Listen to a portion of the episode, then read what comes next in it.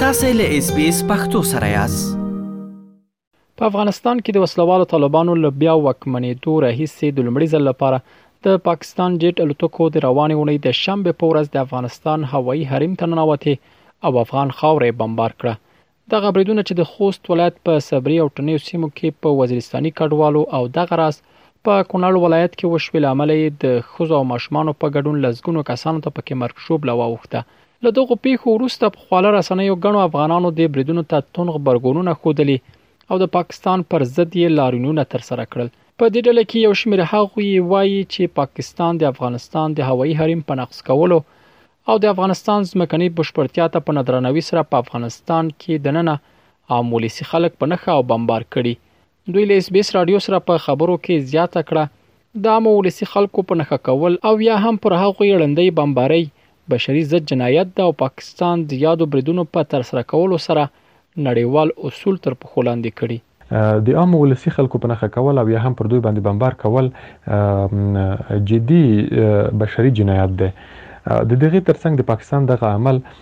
د نړیوالو منل شویو سیاسي نورمونو ښکاره نقض او په د یادو نورمونو باندې تیری دی. نو په دغسې مواردو کې هېوادونه بالمثل عمل کوي. خو ولې افغانستان ته په کار ده چې د جدي غبرګون په ښودلو سره پاکستان دې ته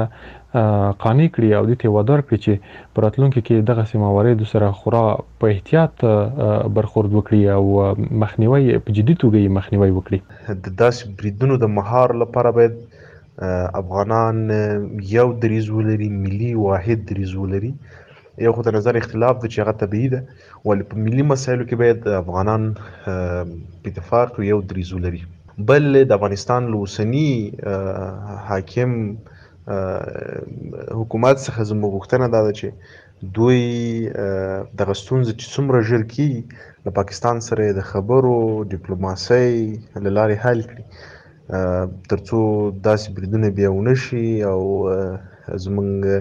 افغانانو ته د سر او مال زیان وروړي خو په دې منځ کې یو شمېر افغانان بیا د طالبانو پر حکومت په نیوکې سره وایي چې ولې یې د پاکستان د بریدونو په اړه نرم دریځ خپل کړی دی دوی د دا ډول بریدونو پر وړاندې د ورته عمل غوښتنه کوي او له نړیوالې ټولنې او ملګرو ملتونو څخه غواړي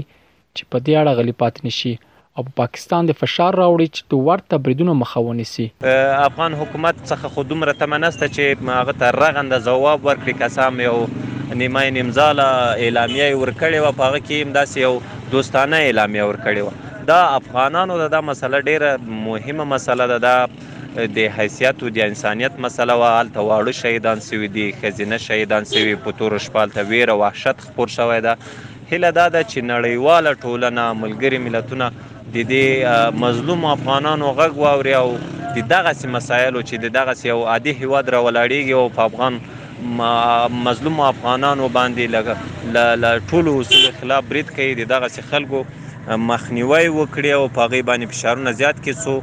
بیا ځلې دغسې کوم کار ترسره نه شي. دا لومړی ځل نه دی چې پاکستان پر افغان خاوره تېری کوي. پرون یې یو ځل بیا پر خوست او کونړ ولایتونو راکټي بریدونه کړي چې متاسفانه په لسګونه افغانان په کې شهیدان او ټپیان شوي دي.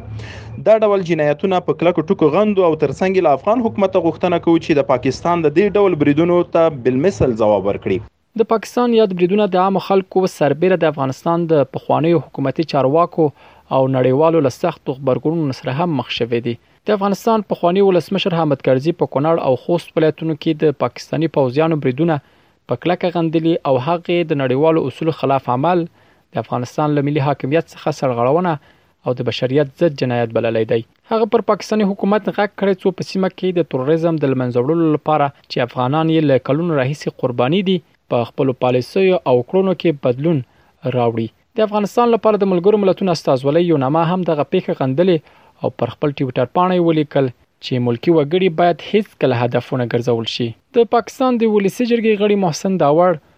او د پښتون ژغورنې غورځنګ مشر منظور پښتین هم پر افغانستان د پاکستان بریدونه غندلي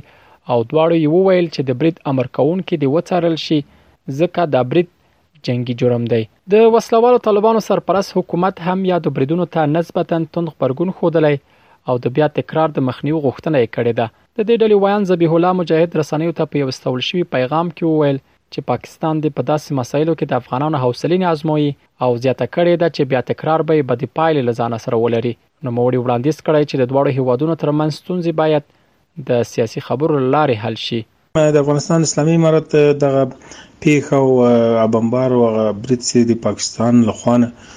د افغانستان په خاورو باندې سوی دی دا په ټولو تر ټولو سختو ټکو باندې غندي او دا یو ظلم ده او دا د افغانستان د پاکستان ترمنځ دښمنۍ ته لار اورول دي چې د هیڅ ملت او هیواد په ګټه نه ده پاکستاني لوري باید په دې باندې پوه شي جګړه که پیل کیږي دا به د چا په ګټه هم نه وي دا به د سیمې د بېثباتۍ سبب ګرځي او افغانانو بیا د خپل هیواد د ساتنې په برخه کې امتحان ورکړی د دغه نږدې اته میاشتې وړاندې د امریکایانو ماتې د یو لوی درس او عبرت د ټولو هغو متجاوزونو لپاره ده چې څوک غواړي د افغانستان خاورې او حریت او ازادۍ ته په سپکه وګوري افغانان باید مجبور نه شي چې یو اقدام وکړي موږ اوس اوس کوشش کوو چې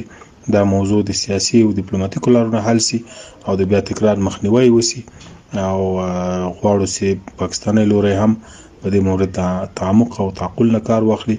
او اشتباهات تکرار نه کړي بیا د افغانانو حوصله که وازمایل سي بیا نتیجه یې منفي راوځي او د ملتونو ترمنځ د درز او مخالفت سبب کیږي او بیا به افغانان مجبوریږي چې د خپلې خاورې د دفاع لپاره په متقابل اقدام لاس پورې کړي د چارو شنونکي هم په دې اړه بېلابېل لیدلوري لري د چارو کارپوه ستانګل شیرزاد وایي چې د پاکستان د غبرګون په ښکاره توګه د افغانستان پر استقلال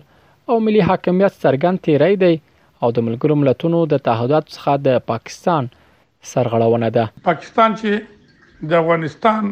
پر سیمه په خوست او په کونړ باندې کوم بمبار کړی دی دا د یو مستقل هیواد پر استقلال او ملي حاکمیت څرګند تیری دی او د ملګرو ملتو د تعهداتو خلاف ورزي ده. زه او د افغانستان ټول خلک په کلکه دغه عمل د پاکستان غندو او د طالبانو نه زموږ هیله دا ده چې دغه شکایت رسما په ملګرو ملتو کې ثبت کی او باید ارزیابي شي او خلکو ته چې تاوان وخته دي هغه باید د پاکستان او خبر دغه ټولو خلکو باید جبیر شي خلکو تاوان باید جبیر شي